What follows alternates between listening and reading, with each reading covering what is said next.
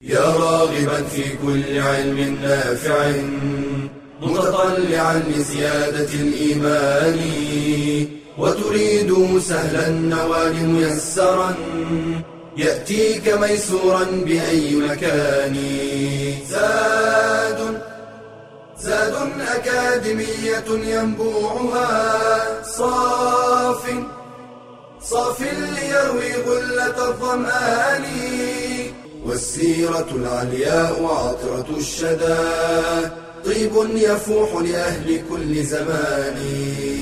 بشرى لنا زاد أكاديمية للعلم كالأزهار في البستان. بسم الله الرحمن الرحيم. الحمد لله رب العالمين.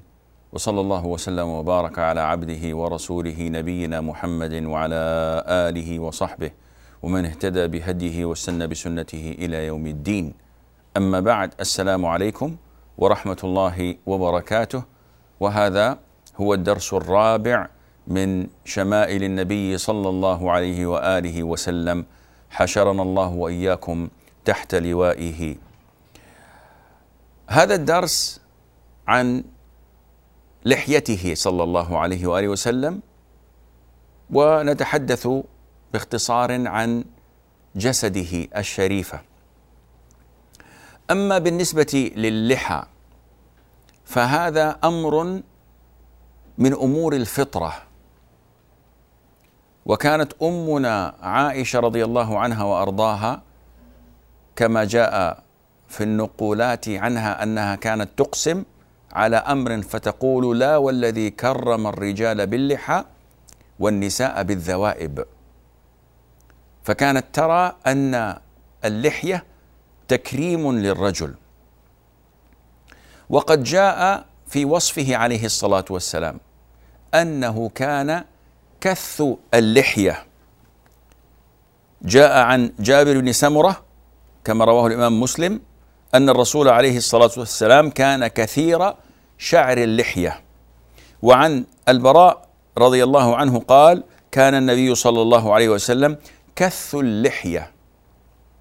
وما ورد في حديث كما يقول جماهير العلماء أن الرسول عليه الصلاة والسلام كانت لحيته عظيمة فلم يصح في ذلك حديث ولم تكن بالطويلة بل كانت كثه وكان كثير شعر اللحية عليه الصلاة والسلام. مما يعني أنها كانت منضبطة تتداخل بعضها في بعض وكانت مستديرة جميلة من أجمل ما تراه الأعين. صلى الله عليه وآله وسلم. هل أمر بها النبي عليه الصلاة والسلام؟ لا شك أنه قد فعل ذلك. فقد جاء في الأحاديث الصحاح ألفاظ مختلفة عنه صلى الله عليه وآله وسلم. فمن ذلك ما جاء عنه أنه قال أنهكوا الشوارب وأعفوا اللحى. والإعفاء بالزيادة والنماء والإكثار. حتى عفوا حتى كثرت كثرت أموالهم وازدادت. خالفوا المشركين أحفوا الشوارب وأوفوا اللحى. وجاء عنه أيضا عليه الصلاة والسلام قوله جزوا الشوارب وأرخوا اللحى. خالفوا المجوس. النووي الإمام رحمه الله حصر الألفاظ النبوية فقال قال عليه الصلاة والسلام أعفوا وأوفوا. وارخوا وارجوا ووفروا وكلها أفعال أمر. مما يعني أن الرسول عليه الصلاة والسلام أمر بذلك. بل الأحاديث كثيرة في قوله خالفوا اليهود والمجوس والنصارى. وهذا الأمر بالمخالفة ليس كما يظنه البعض أنه متعلق بالمخالفة فحسب بل أن هو الغالب مخالفتهم. لكن لو افترضنا أن اليهود والمجوس والنصارى أعفوا لحاهم وأطلقوها هل يأتي قائل فيقول نحن نخالفهم فنحلقها؟ ابدا لأن إعفاءها من الفطرة. كما لو أن الله عز وجل شرح صدور اليهود والمجوس والنصارى وأخذوا بالصلاة. صلوا. هل يترك أحد منا الصلاة لأنهم صلوا؟ هذا منطق غير سليم وغير صحيح. فاذا إعفاء اللحية اتباع لسنة النبي عليه الصلاة والسلام.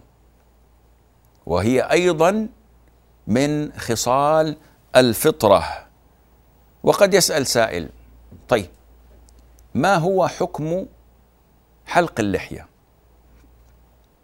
وهذه مسألة قد يظن الإنسان أو يظن البعض منا أنها مسألة يعني ليست ذات أهمية كبيرة والسبب في ذلك أن الناس حولنا كثر قد حلقوا لحاهم.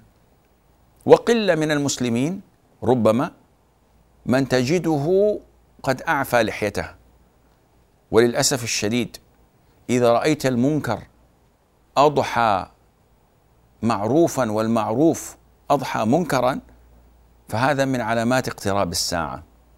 الآن هنالك بلاد عربية تنتسب إلى الإسلام يمنع الإنسان فيها من إعفاء لحيته وإن فعل فإنه يوصم بالإرهاب وبالتطرف.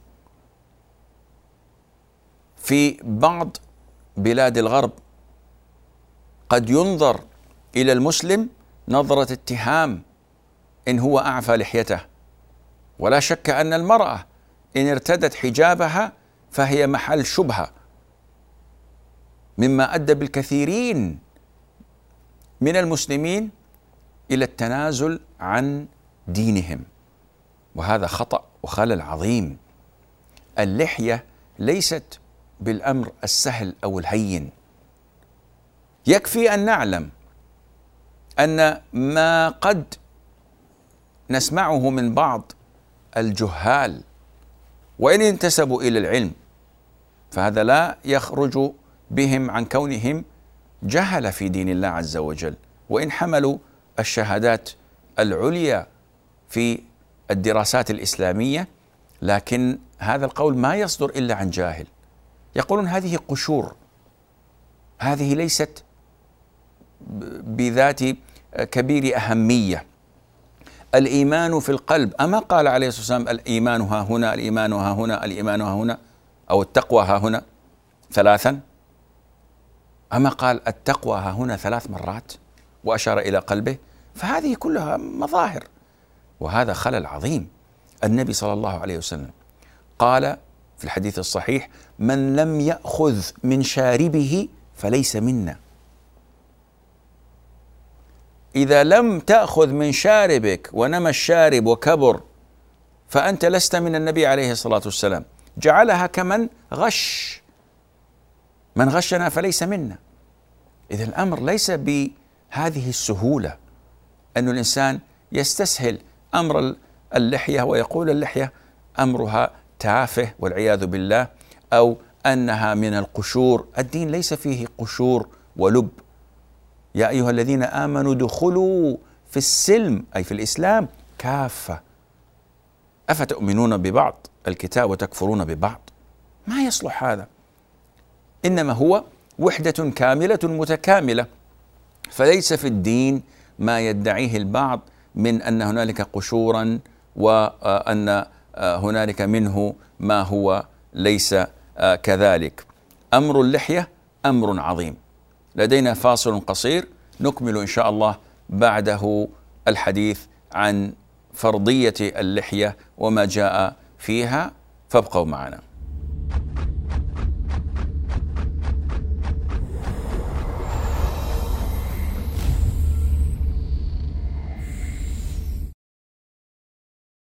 كلمات قصيرة تحمل بين طياتها تنبيها وتحذيرا خطيرا.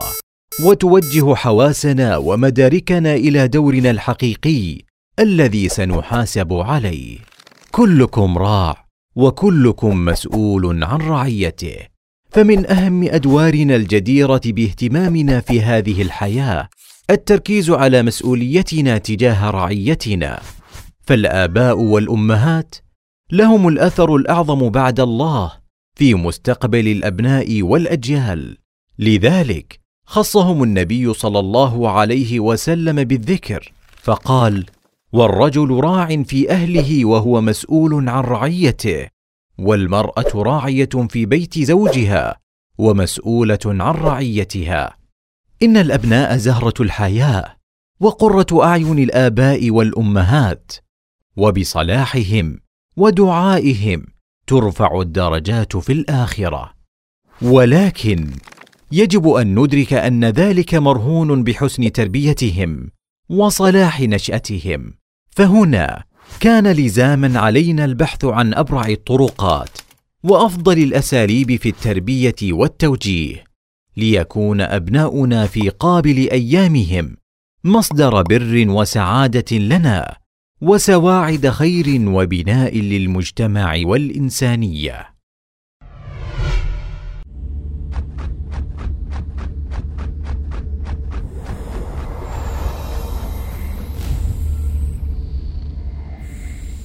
السلام عليكم ورحمة الله. هذه اللحية التي كرم الله عز وجل بها الرجال.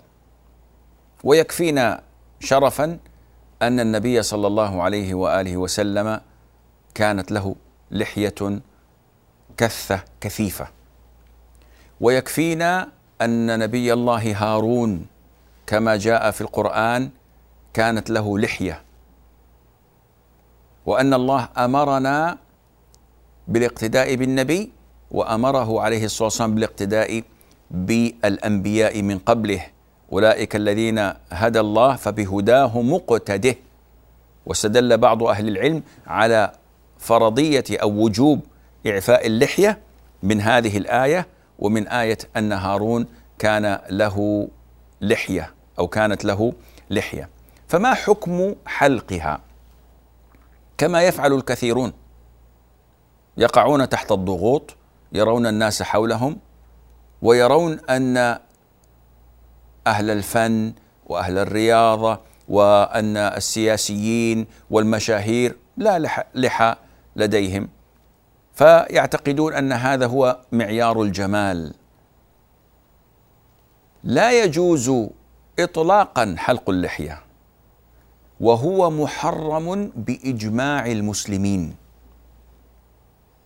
أورد هذا ابن حزم في مراتب الإجماع وأورد ذلك غيره من العلماء بأنه أجمع المسلمون على تحريم حلق اللحية. فإذا الآن هذا الذي يحلق لحيته كل صباح يفعل إثما مستمرا لأن المعصية أثرها ظاهر على وجهه. وسبحان الله إذا أراد الله تعالى أن يخفف على الناس رفضوا ذلك وردوه وابتغوا الشقاء والتعب والمشقة. تخيل لو أن الله عز وجل أمر الرجال بحلق اللحى امرا. لا شق ذلك على الناس وقالوا هذا فيه عنت. كل يوم نأتي بالموسى ونأتي بالصابون ونأتي بهذا آه، آه، آه، العطر الذي يحرق الوجوه بعد الحلاقة. ونفعله في الصباح وفي المساء. هذا والله مشقة وتكليف لا نستطيعه. الله عز وجل أمرك بتركها. وفر على نفسك فلوس الموس والصابون والعطر والكريمات. وفر. لا نريد أن نفعل ذلك كل صباح وكل مساء. هذا أمر محرم بإجماع المسلمين ولا خلاف فيه. طيب ما حكم التقصير منها؟ أما التقصير ففيه خلاف. لكن الخلاف ليس كما نراه اليوم من لحية خليجية ولحية فرنسية ولحية مخنجرة ولحية مسيفة وأمور عجيبة ما أنزل الله عز وجل بها من سلطان. أين الخلاف؟ الخلاف هو ما فعله عبد الله بن عمر رضي الله عنهما. كان إذا حج أخذ ما زاد عن قبضته وقص. وورد مثل ذلك عن أبي هريرة رضي الله عنه وأرضاه. إلا أن جماهير الصحابة ما كانوا يفعلون ذلك. قال أهل العلم العبرة فيما رواه الراوي لا فيما فعله. ابن عمر رضي الله عنهما هو الذي روى لنا حديث اعفوا اللحى. فالعبرة بما رواه بحديث الرسول عليه الصلاة والسلام لا بما فهمه هو واجتهد. ومن أهل العلم من قال لتدخلن المسجد الحرام إن شاء الله آمنين محلقين رؤوسكم ومقصرين. قالوا هذا فهم ابن عمر أن التقصير يكون للحية في الحج. وهذا خلاف الراجح من أقوال أهل العلم وهو أن اللحية تترك على سجيتها وعلى ما هي عليه ما لم يكن هنالك منها ضرر متعين. بمعنى إذا كان الإنسان طالت لحيته إلى درجة أنها تؤذيه إن قاد السيارة دخلت في عينه إن أكل دخلت في أكله عطلته ربما عرضته للخطر. فانذاك لعل مسألة القبضة تندرج وتنطبق. أما ما يفعله بعض الناس من فهم سقيم. فيأتوا إلى اللحية يقولون نحن نقص ما زاد عن القبضة من فوق. هذا ما قال به أحد من أهل العلم. وهو لا شك أنه فهم سقيم ولا يصلح لأن الأصل أن تتبع لا أن تبتدع لا أن تخترع لا أن تأتي بشيء لم يأتي بمثله الأولون.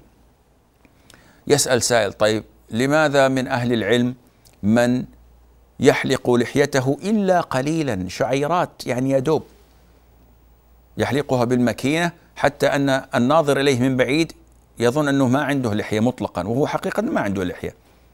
نقول العبرة هي بالقرآن والسنة. اعرف الرجال بالحق. ولا تتعرف إلى الحق بالرجال. لا تأخذ الدين من أفعال الناس. هؤلاء قد تكون لهم أفهامهم قد تكون لهم أعذارهم قد تكون لهم أهواؤهم وشهواتهم التي أثرت على أفعالهم.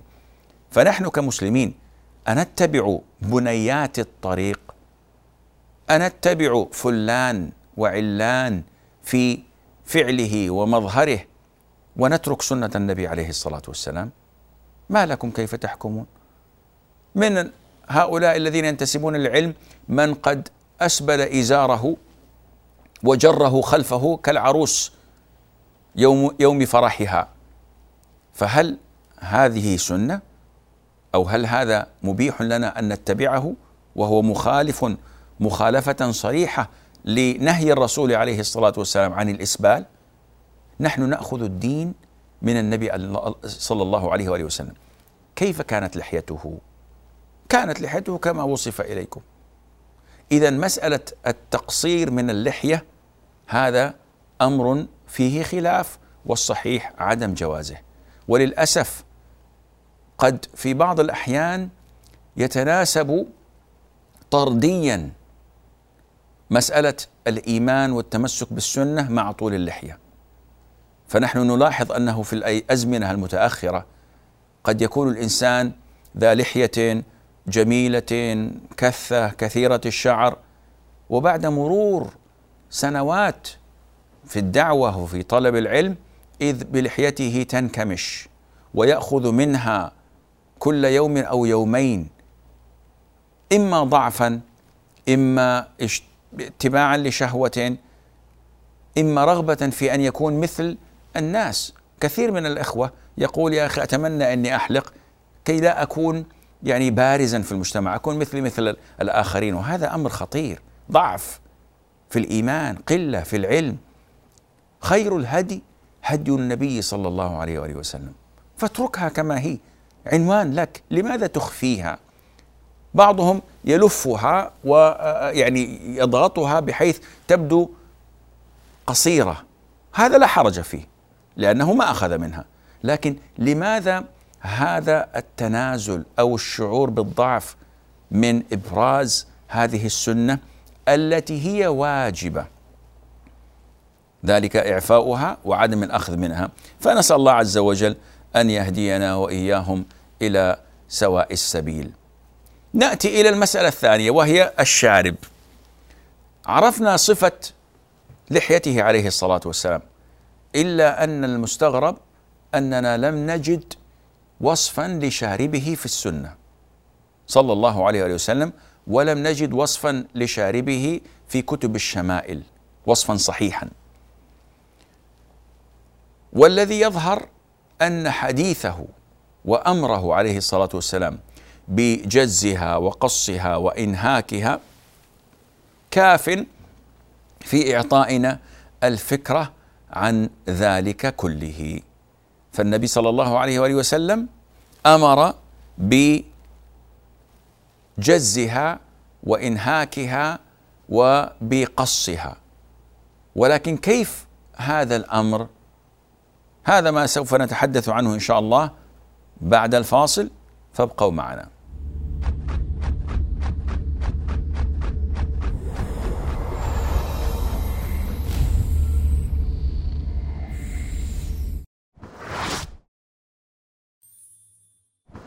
هل أنت حريص على تصحيح عباداتك؟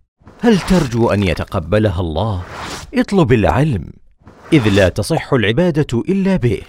قال تعالى فاعلم أنه لا إله إلا الله واستغفر لذنبك وللمؤمنين والمؤمنات. وشرط قبول طلب العلم. الإخلاص فيه بالا تريد به إلا وجه الله. قال تعالى قل إني أمرت أن أعبد الله مخلصا له الدين. وبالإخلاص ترزق صحة الفهم وقوة الاستنباط. قال صلى الله عليه وسلم من يرد الله به خيرا يفقهه في الدين وبالإخلاص يذعن المتعلم للحق ويقبل النقد. قال الذهبي علامة المخلص أنه إذا عوتب لا يبرئ نفسه بل يعترف ويقول رحم الله من أهدى إلي عيوبي. ويجب أن يتوفر الإخلاص في التعلم والتعليم والتأليف. قال أبو داود الطيالسي ينبغي للعالم إذا حرر كتابه أن يكون قصده بذلك. نصرة الدين لا مدحه بين الأقران لحسن التأليف. فأخلص النية واحذر من فسادها. كطلب العلم لأجل المال والثروة أو الجاه والشهره أو المراء والجدل. فإن ذلك يفسد العمل قال تعالى وقدمنا إلى ما عملوا من عمل فجعلناه هباء منثورا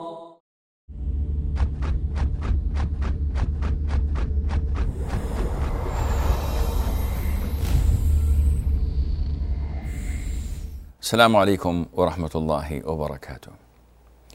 نأتي الآن إلى الحديث عن الشوارب.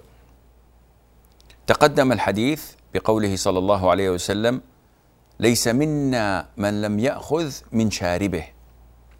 الشارب هذا الآن في بعض القوميات في بعض المناطق يرون أنه علامة الرجولة ومنهم من يعني يربي شاربه بطريقة مقززة. حتى أن يعني المثل المعروف الراجل من غير شنب كالقط من غير ذنب. وهذا من الأمور التي تندرج على ألسنة الناس. لكن أنا أريد أن أعرف كيف هي السنة في الأخذ من الشارب. العلماء انقسموا إلى قسمين فالحنفية والحنابلة قالوا بحلق الشارب تماما بالموس. واستدلوا على ذلك بألفاظ لأحاديث نبوية. فقال الرسول عليه الصلاة والسلام مثلا أحفوا الشوارب رواه البخاري ومسلم. قال أنهكوا الشوارب رواه البخاري. وفي لفظ لمسلم جز الشوارب. الإنهاك والإحفاء والجز هذه كلها تدل على المبالغة وهو الحلق. من أهل العلم وهو مذهب المالكية والشافعية من ذهبوا إلى أن حلق الشارب مكروه كراهية شديدة وأن الواجب هو قص الشارب وشدد الإمام مالك في ذلك تشديدا عظيما. والدليل ردا على أدلة الفريق الأول. حديث أبي هريرة على سبيل المثال رضي الله عنه أن النبي صلى الله عليه وآله وسلم قال الفطرة خمس الختان والاستحداد وقص الشارب. فجعل النبي عليه الصلاة والسلام قص الشارب من الفطرة. ولا يخفاكم أن قص الشارب يخالف الحلق.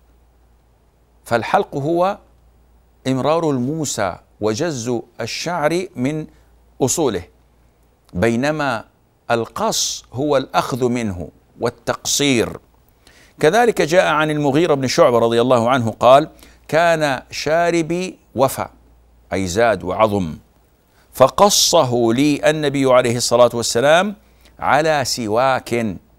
يعني الرسول جاء بسواك ووضع تحت الشارب آه هذا السواك وقص الزائد بحيث أنه الشفة العليا لا يأتيها شيء من الشعر. وهذا الحديث رواه آه أبو داود في آه سننه وصححه الألباني رحمه الله. وهذا هو الراجح أن حلق الشارب مخالف للسنة. ولذلك شدد فيه الإمام مالك رحمه الله. فقال ينبغي أن يضرب من يصنع ذلك. فليس حديث النبي صلى الله عليه وسلم في الإحفاء ولكن يبدي حرف الشفتين والفم. إذا هذا هو المشروع. وقال أيضا الإمام مالك إمام دار الهجرة حلق الشارع الشارب بدعة ظهرت في الناس. حلق الشارع الشارب بدعة ظهرت في الناس. وقال الإمام النووي رحمه الله في المجموع ضابط قص الشارب أن يقص حتى يبدو طرف الشفة ولا يحفه من أصله. هذا مذهبنا والإمام النووي رحمه الله شافعي كما هو معروف. إذا المسألة فيها خلاف ولكن الراجح من أقوال أهل العلم والذي هو مدعوم بأحاديث النبي عليه الصلاة والسلام أن الشارب لا يحلق إنما يقص منه ويبقى فيه شيء من الشعر. ننتقل إلى شيء آخر من شمائله عليه الصلاة والسلام ألا وهو وصف جسده الشريف. النبي صلى الله عليه وآله وسلم كان حسن الجسم معتدل الخلق جميل البدن منتظم الأعضاء. متسق القوام مربوع القامة غير مفرط في الطول بمعنى أنه ليس بالطويل وليس بالقصير بيد أنه إلى الطول أقرب. يعني ما تستطيع أن تقول أنه وسط لا هو إلى الطول أقرب منه إلى القصر. لا شذوذ في صورته صلى الله عليه وآله وسلم ولا تنافر في هيئته إذا ماشى أحدا من الناس طاله. إذا كان يمشي مع أحد وهذا الأحد كان طويلا كان الرسول يبدو عليه والسلام في طوله. وإذا اكتنفه الرجلان الطويلان طالهما. فإذا فارقاه كان وسطا بين الطول والقصر. وهذه خاصية له صلى الله عليه وسلم أنه دائما يبدو في طول الطوال. لكن إذا كان بمفرده ما يستطيع أحد أن يقول الرسول طويل. لكن إن مشى بين الطوال كان في طولهم. وإذا جلس إليه أحد كان كتفه عليه الصلاة والسلام أعلى من الجالس. ولأن قامة الرسول العليا عليه الصلاة والسلام كانت طويلة. فحتى إذا جالسه طويل كان كتفه عليه الصلاة والسلام أطول من كتف هذا الجالس معه. روى البراء بن عازب رضي الله عنه أنه قال: كان النبي صلى الله عليه وآله وسلم رجلا مربوعا كما أنه كان أحسن الناس وجها وأحسنهم آه، آه، خلقا. ليس بالطويل ولا بالقصير وكان ربعة من القوم ليس بالطويل البائن ولا بالقصير حسن الجسم. اذا وصفه صلى الله عليه وسلم أنه كان حسن الجسم. وهذا أمر ضروري في الجمال ألا وهو التناسق بين الأعضاء. فلم تكن يداه مثلا طويلتان أو قدماه قصيرتان أو هيئته متنافرة ابدا بأبي هو وأمي عليه الصلاة والسلام. كان أكمل الناس خلقا. فمثلا في وصف يداه في وصف يديه صلى الله عليه وآله وسلم كان له ذراعان طويلتان في تناسب مع باقي أعضاء الجسد الشريف لأنه قد يكون هنالك طول شديد ظاهر في اليدين وهذا عيب. كما جاء في حديث أبي هريرة رضي الله عنه في الصحيح أن الرسول صلى رباعية ذات يوم ركعتين فقام رجل يدعى ذي اليدين. يدعى ذو اليدين بمعنى أن في يديه طول. هذا عيب. الرسول عليه والسلام كانت ذراعاه طويلتان ولكن لم يكن ذلك معيبا بل كان في جمال وفي قوة وفي أفضل مظهر. طال زنداها الزند طويل والساعد امتد كذلك وكان عليه الصلاة والسلام على ساعده شعر كثيف. ومما ذكره أصحابه في صفة ذراعيه عليه الصلاة والسلام أنه كان طويل الزندين ضخم الكراديس وهي عظام الجسم أنه عظامه قوية كبيرة حيث يلتقي العظام عند المفاصل وكذا. أشعر الذراعين مما يدلك أنه كان له شعر في ذراعيه صلى الله عليه وآله وسلم. أما وصف ظهره ولا شك أن ظهر الرجل له يعني مكانه في جماله. فأنت عندما تنظر إلى الرجل من آه، خلفه إذا أدبر يظهر جمال آه، ذاك الرجل الذي خاصة ما يكون عريض المنكبين. هذه صفة جمال في الرجل. كان صلى الله عليه وسلم ظهره واسعا. جميل المنظر. كأنه سبيكة الفضة في استوائه وصفائه.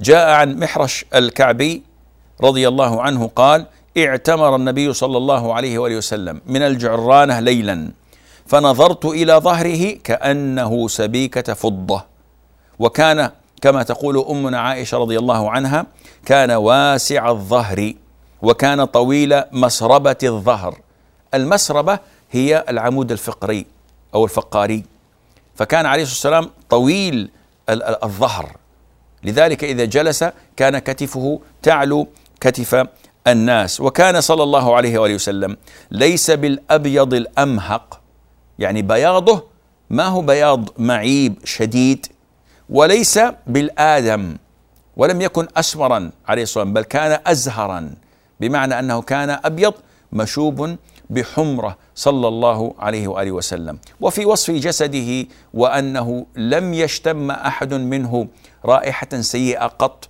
وأن جلده وكفه ألين من الحرير وما إلى ذلك. وصف كثير يطول. ليس هذا للأسف الشديد المقام في التوسع فيه لكن أرجو في آه، ما ذكرنا الفائدة. والله أعلم ونسبة العلم إليه أسلم وحتى نلقاكم في الدرس القادم. أترككم في أمان الله. والسلام عليكم ورحمة الله وبركاته. يا راغبا في كل علم نافع متطلعا لزيادة الإيمان وتريد سهلا النوال ميسرا يأتيك ميسورا بأي مكان. زاد زاد أكاديمية ينبوعها صاف صاف ليروي غلة الظمآن والسيرة العلياء عطرة الشدى. طيب يفوح لأهل كل زمان. بشرى لنا زاد أكاديمية للعلم كالأزهار في البستان.